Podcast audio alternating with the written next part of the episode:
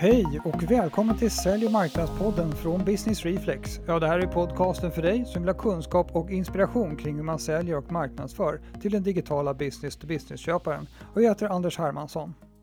Idag har vi ett riktigt intressant ämne. Vi ska prata om e-handel för business-to-business-företag. Alltså på konsumentsidan där har ju förvandlingen gått väldigt långt. Men inom B2B är det lite trögt. Och det är hög tid för alla inom business to business att ta tag i det här viktiga området och inte ducka för utmaningarna, för då kan ju risken vara stor att man går samma öde till mötes som många på konsumentsidan som vaknade för sent. Och det vill man ju inte. Så vi ska ta reda ut begreppen eh, för den här till synes stora utmaningen. Och eh, till min hjälp så har jag en gäst. Han heter John Larsson och är e-handelsexpert på företaget Karismar och honom ska jag intervjua nu. John Larsson, hjärtligt välkommen till Sälj och marknadspodden. Tack så jättemycket, kul att vara här. Ja, det är härligt när ni tar er tid att komma hit, som jag alltid säger. Vi ska snacka om e-handel för business to business idag. Mm. Grymt kul ämne, för det är väldigt många av dem som vi pratar med som börjar snegla mer och mer på det här. Man kanske inte kan förlita sig helt på sitt gamla säljgäng, utan man måste ha fler kanaler till marknaden och sådär. Så ett viktigt ämne. Men först eh, så kanske du kan berätta lite grann om dig och om Karismar där du jobbar. Ja, det kan jag absolut. Jag föddes 1987 på Gotland och Karismar föddes 2004 på Söder. Eh, vi är en e-handelsleverantör och en e-handelsplattform i ett, så det innebär att vi har en egen plattform som vi utvecklar på och sen så är vi också konsulter på den plattformen för att när man släpper en e-handel så är det alltid den sämsta versionen och sen så behöver man bygga vidare på den och det hjälper vi också till med. Alltså det är en långsiktig relation här som man skapar. Det är det verkligen. Mm. Uh, vi har ju för avsikt att man ska stanna vid oss och växa med oss till oändlighet. Just det. Grymt, vad härligt. Bra att ha en eh, fast hand att hålla i när man ska ta sig igenom och utveckla sin e-handel. Det är ett intressant ämne för fler och fler av de vd vi pratar med. De är intresserade av det här området, men det är nog, jag känner själv att det är ett okänt område. Det är en stor domän och man fattar inte riktigt hur man ska ta sig an det här området för att hitta någon, ja, för att kunna göra på ett bra sätt helt enkelt. Så då passar ju det jättebra att vi kan snacka lite grann om det här idag. Mm.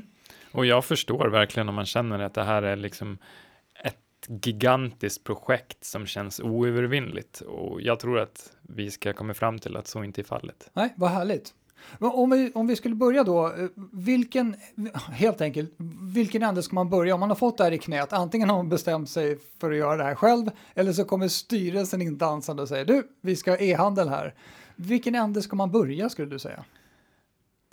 Om man ska initiera ett projekt eller en förändring så är det väldigt viktigt att veta varför gör man det här och vad vill man uppnå? Och här tror jag att man måste, ganska tidigt måste involvera de stakeholders som kommer påverkas av det här projektet. Sälj, marknad, inköp och även logistik.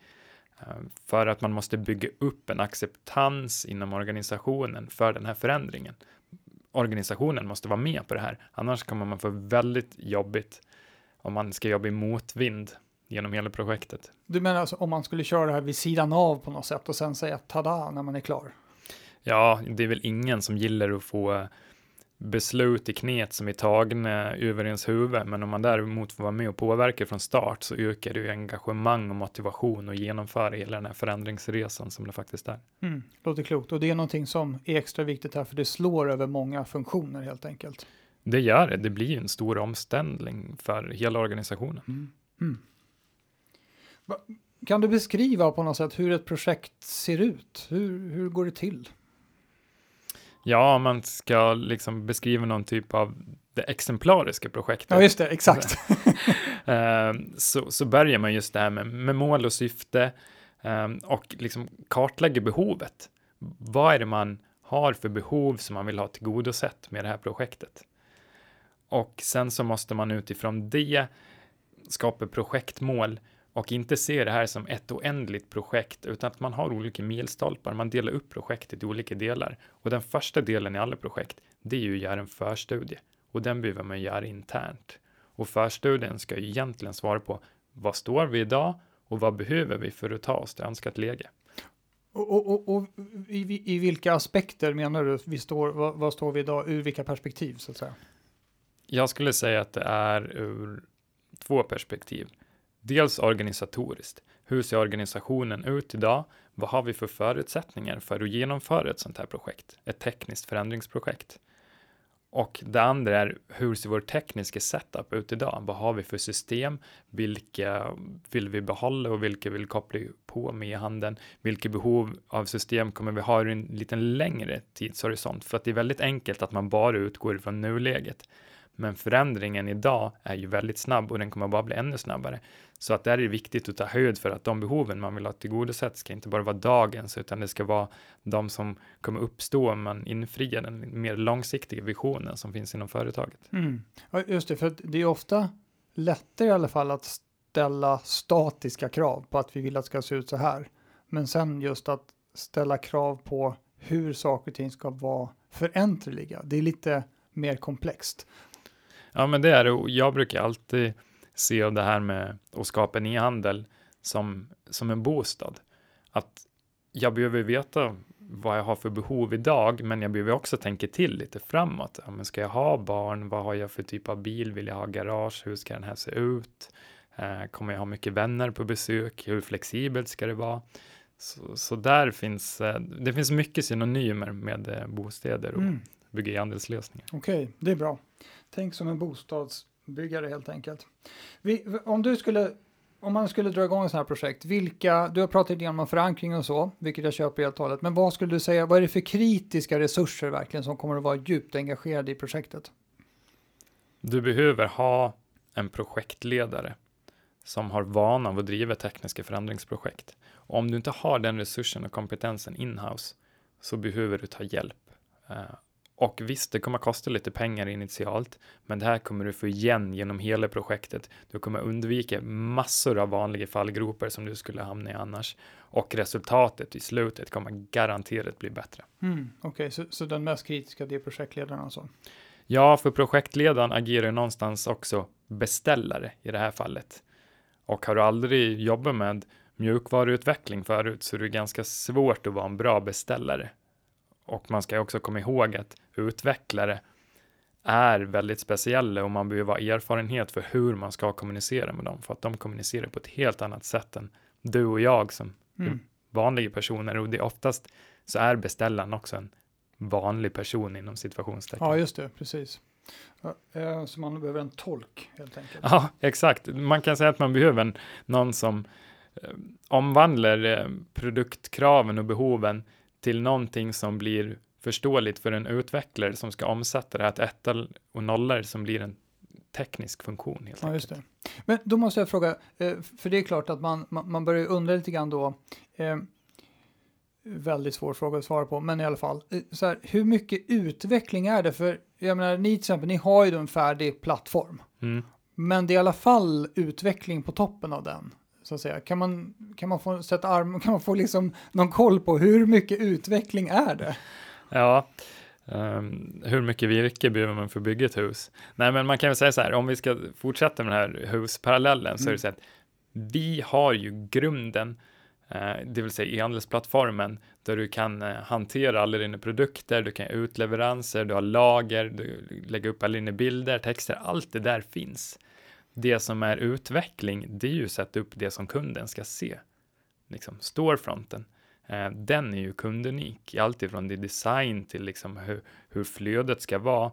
Och sen så det som är det största inom tekniska projekt oftast, det är kopplingen till andra system, integrationer till affärssystem eller man kanske har ett PIM idag som man vill koppla ihop med. Eh, Vad är ett, Där Vad är ett PIM för någonting?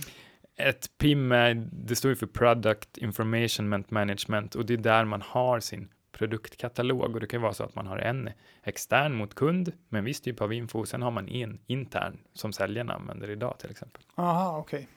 Jag fattar. Så det, det, blir, det kommer att bli en hel del integration. Det kan man räkna med.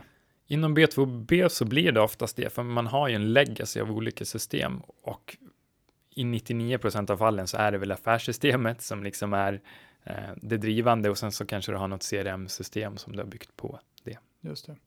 Är det vanligt att man lyckas hantera det här med unika kundavtal och sånt inom B2B? Eller behöver man först se till att man har en enklare affär för att lyckas med handel?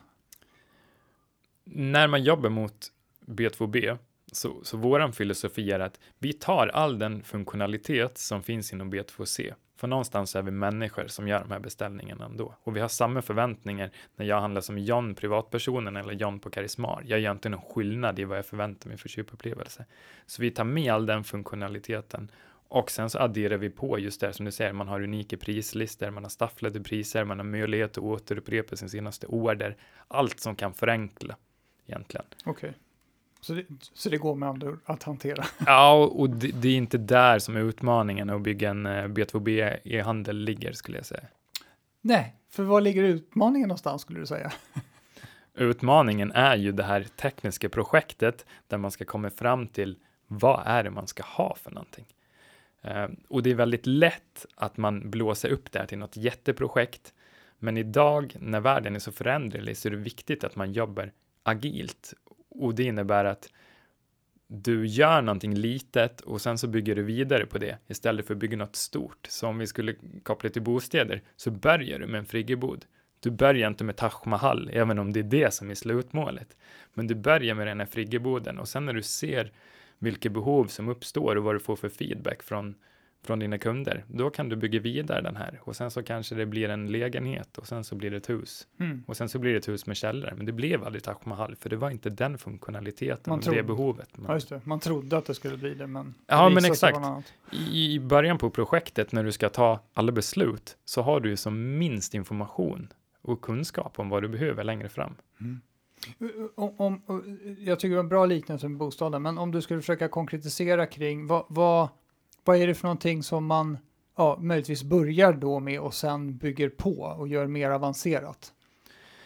Jag skulle börja med att utgå ifrån hur ser min målgrupps köpresa ut? Vart börjar de någonstans? Förmodligen så börjar köpresan med att man får ett behov och man söker information i en sökmotor. Vi behöver inte nämna några namn. Och därifrån så, så går jag vidare och idag så gör man ju 75 procent av sin köpresa. Den gör ju kunden själv. Och sen de här sista 25, då har man ju redan valt ut en, två leverantörer och då vill man bara få bekräftat att man har, att man har valt rätt. Så därför är det ju väldigt viktigt att se över hur, hur ser köpresan ut? Och vilka interaktionspunkter finns det? För köpresan börjar ju långt innan kundresan, för den börjar ju först när någon kommer in till en e-handel. Och då behöver man ju se hur tar vi hand om kunden när de kommer dit. Mm, för det där är intressant, för normalt så, så jobbar ju vi på Business Reflex inte med e-handelsdelen av saker och ting. Men du, utan vi jobbar med allt de där 75 procenten som då händer innan säljaren så att säga får kontakt med kund. Mm. Och i det här fallet så skulle man då byta ut säljaren mot en e-handelsplattform. Så när kunden ska slutföra sitt köp så gör man det på webben. Är det riktigt uppfattat? Ja, det är ju målbilden. Sen så kan det ju vara så att man säljer eh, en typ av produkt som, som har ganska mycket osäkerhetsmoment i sig och då behöver man hela tiden liksom riskreducera det här köpet. Men det, det kanske aldrig går fullt ut utan man behöver ha någon mänsklig kontakt mm. och få trygghet i det. Men eh, idag går det ju att sälja i princip vad som helst på nätet, alltså bilar. Mm. Så, så, så man ska inte vara rädd för att nej, vår produkt är för komplicerad. Det går inte, för det har bransch efter bransch har bevisat så inte fallet. Ja, just det. Nej, det är lika bra att hoppa på det på något sätt. Ja, det är det absolut. Jag, jag, jag tänker så här, det du pratade om kundresan och sånt, så, så i, i, i, min gamla uppfattning innan jag började snacka med dig så här, då, det är ju att e-handeln är ju slutsnutten på det där. Det är alltså när man lägger saker i sin varukorg och trycker på betala. Men du tänker att man ska se hela kundresan inom ramen för det här e-handelsprojektet. Är det riktigt uppfattat? Ja, man behöver utgå ifrån den för att dels se vilken roll spelar e-handeln i kundresan. Men också så kan det ju vara så att du har väldigt mycket content, innehåll på din sajt och efter man har gjort den här sökningen i sökmotorn så kanske man hamnar i, på e-handelssidan för att det finns innehåll och information som man vill ha där. För att när det uppstår ett behov så uppstår ju det från att nuläget och det önskade läget, det finns ett glapp däremellan och det här glappet, behovet, det vill jag tillgodose. Men från nuläget till det önskade läget så finns det också en del trösklar som jag som köpare måste ta mig över. Och just det här med att samla information kan ju vara en sån tröskel. Jämför olika produkter mot varann, en annan. Och sen så kan du komma ner till ja, men inköpsställen. Vad finns det för service? Eh, och alla de bitarna. Mm. Just det, så man behöver tänka lite bredare än vad jag har gjort från början. Vi var inne lite grann på det här med kravställning. Eh, vad, vad ser du att man måste tänka på speciellt som ofta förändras över tiden i en e-handelslösning. Så att man inte du vet, bygger fast sig i någonting som man svär över sen.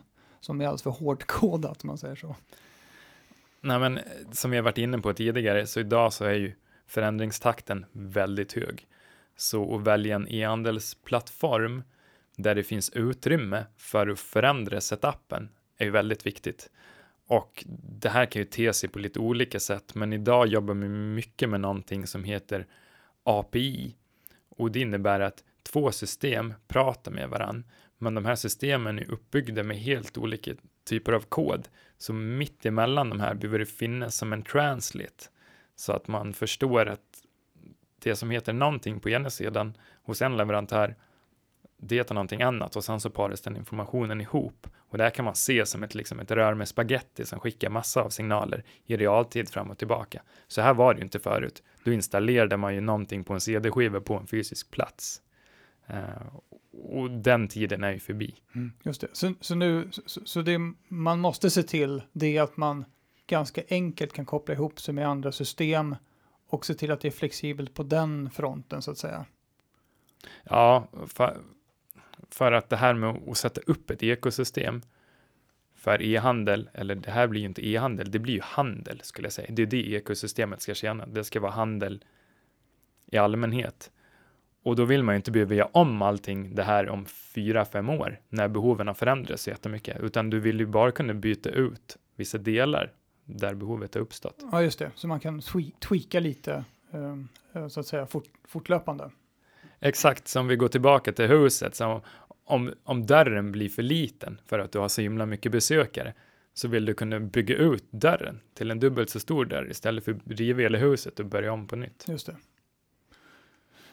Om man eh, tänker på att man får till den här e-handelsfunktionen då, vad skulle du säga, man be vad behöver man för resurser för att vara duktig på att driva det sen? I och med att e-handeln har blivit betydligt mer komplex än vad den var bara för tio år sedan så krävs det större investeringar och det krävs framför allt mer och spetsigare kompetenser. När vi ser i vårt eh, tekniska team så har vi åtta olika specialistkompetenser som är inne i varje projekt. Så det behöver man ju ha rent tekniskt.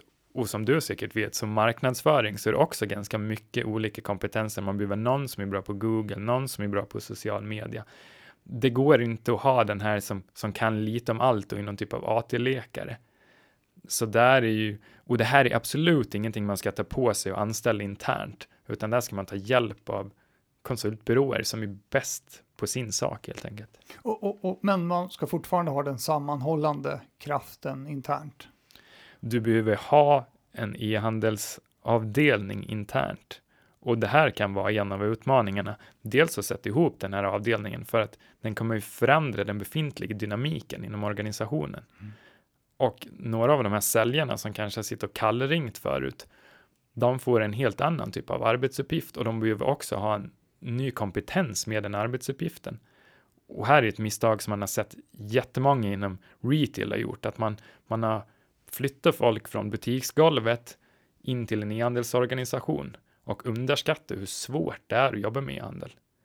För att det är verkligen inte, det är inget självspelande piano. Det kan bli ett självspelande piano, men vägen dit från start, den är väldigt, väldigt lång. Mm. Om, man, om man pratar om fallgropar, det är kanske alltid svårt, men, men om vi nu tänker så här, vad, vad finns det då för för vanliga fallgropar och det får gärna vara repetition av någonting vi har sagt förut. Men, men vad, vad är det man behöver passa sig för helt enkelt? Att inte göra de vanligaste misstagen.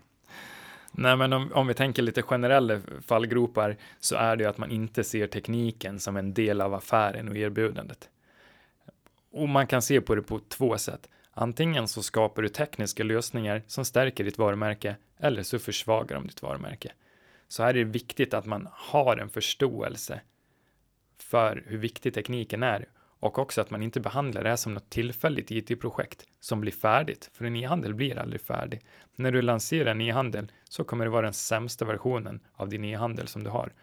Och sen så kommer du kontinuerligt jobba med att förbättra den här så att den hela tiden blir bättre. Och det gör de ju du genom att du analyserar hur besökarna beter sig, men också skulle jag säga att ha en kontinuerlig dialog med den målgruppen eller den kundstocken som du har och se vad är det de vill ha ut av en e-handel? För det ska ju inte vara något självförverkligande, utan förmodligen så gör du den här e-handelssatsningen för att det finns ett behov eller ett krav eller målgruppen har olika behov som de vill ha tillgodosett på ett annat sätt än du har tillgodosett dem tidigare. Just det, och då är det lika bra att du ser till att fixa det fort innan någon konkurrent kommer att göra samma sak, eller gör det före dig då. Ja, exakt. Och sen så en annan vanlig fallgrop, det är att man, att man överskattar organisationens tekniska mognadsgrad. Att man tar för lätt på det här med att driva tekniska projekt. Jag vill inte skrämma bort någon på något sätt, men tänk dig själv att du har aldrig någonsin hållit på med eh, byggen och nu ska du bygga ett slott. Mm. Och du har massor av olika folk som ska dit och det ska dras vatten och el och liksom allting runt omkring det är inte helt enkelt att få till det om man aldrig har gjort det förut. Så därför är det bra att använda sig av externa konsulter eller företag som kan hjälpa till med de här delarna. Just det, för att nu blir ju den här ja, webbsajten och e-handelsfunktionen, den blir ju verkligen du inför kunden. Förut har det alltid varit människor emellan som har kunnat kompensera för brister och så. Men nu är det det det är när folk kommer till sajten. Exakt.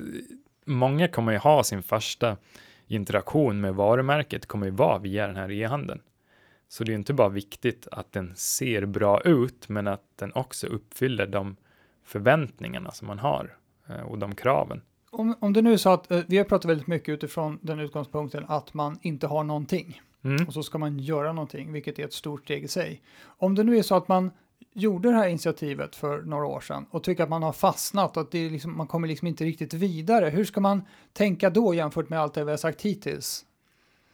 Ja, men jag, jag skulle vilja spinna vidare lite på det här med, med fallgropar, för de som vi pratade om innan, det är ju ganska generella fallgropar. Om man har en lösning idag som man inte är nöjd med, så vill man ju nå det här önskade läget och då är det ju någon typ av upphandling som man behöver göra.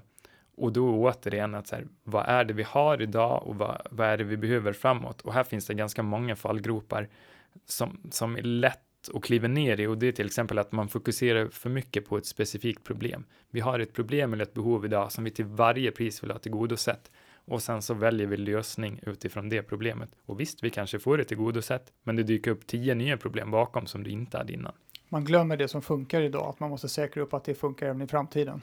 Ja, och det finns, det kommer aldrig någonsin finnas ett system som löser alla dina problem. Och även om det fanns så skulle det förmodligen vara så dyrt att du inte hade råd med det. Och det skulle bli så trögrörligt att använda det här systemet.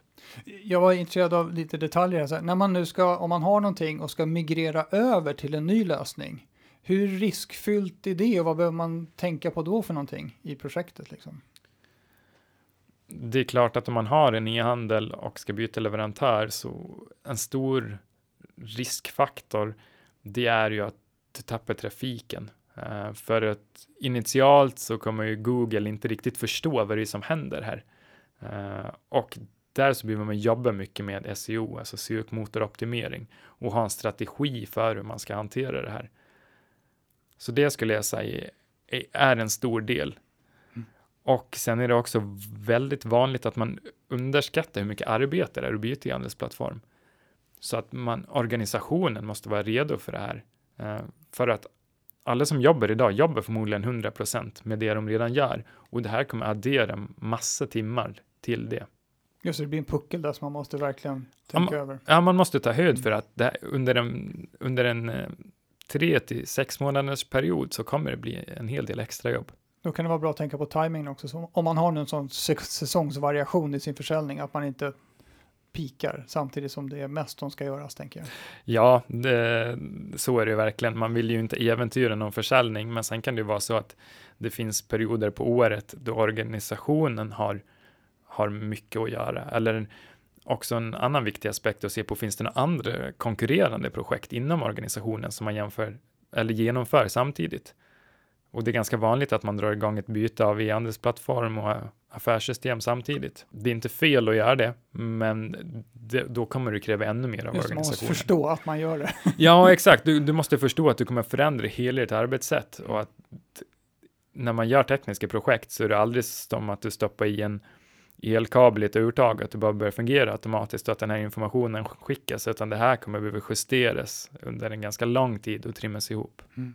Du, eh, en sak som jag tycker är ett problem generellt när man ska köpa saker i dagens läge, det är ju att eh, alla leverantörer har ungefär samma pitch, liksom att det låter så fantastiskt från alla. Eh, och, och, så det blir så himla svårt att välja. Hur, vi har pratat om kravställning och sådana saker, man måste förstå sitt eget syfte med projektet och den här grejen. Men hur sjutton ska man syna leverantörerna när man väl ska, ja till slut, fria och gifta sig? Jag tror eh, ett sätt att göra det är att när man har gjort sin förstudie så har man ju någonstans en hypotes på hur man skulle vilja göra den här förändringen. Och den hypotesen kan man ta med sig till de två, tre leverantörerna som, som man har fått ett intresse för. Och en bra leverantör, de kommer utmana den här hypotesen och fråga varför, hur man har tänkt, vad man vill uppnå, men framför allt, ju fler varför du får, ju bättre, för det visar att man är intresserad och inte är ute efter att fakturera timmar, utan att faktiskt leverera ett resultat som skapar stort värde. Grymt, vilket bra tips. Eh, nu, nu när vi har pratat mycket om det här, vad skulle du säga eh, om man skulle ge sig ut på den här resan? Eh, du har gett massa bra tips på vägen här, men vad, vad skulle du säga är det, är det första man behöver göra? En väldigt konkret aktivitet som man ska göra nu när man har lyssnat på det här poddavsnittet för att börja resan mot e-handel? Det är att samla de berörda delarna inom organisationen och få med sig dem i den här förändringen och, och se vad är det vi vill uppnå och varför vill vi uppnå det och hur stämmer det överens med företagets övergripande mål och strategi och syfte. Så man klargör den bilden? Ja, exakt. Och man måste se det här som att det här är ju en utveckling av den befintliga affärsmodellen. Och med det sagt så, de som är mest framgångsrika idag, det är ju de som repetitivt förstör en framgångsrik affärsmodell för att utveckla den och göra den ännu bättre. Så det ska man ha med sig att det här blir inte färdigt. Det här är en första version av det och sen itererar man vidare på det. Grymt! Tack så jättemycket för alla bra tips och alla insikter kring det här med e-handel för business to business. Och tack för att du tog dig tid att vara med i Sälj och marknadspodden. Tack själv, det var superkul att vara här. Ja, men det var allt vi hade att bjuda på för den här gången från Sälj och marknadspodden. Karismar de har skrivit en guide med 13 steg som man ska följa för att skaffa sig riktigt bra förutsättningar för sitt e-handelsprojekt. Det finns en länk till guiden i show notes. Vad ni än gör där ute så ska ni vara relevanta. Hej då!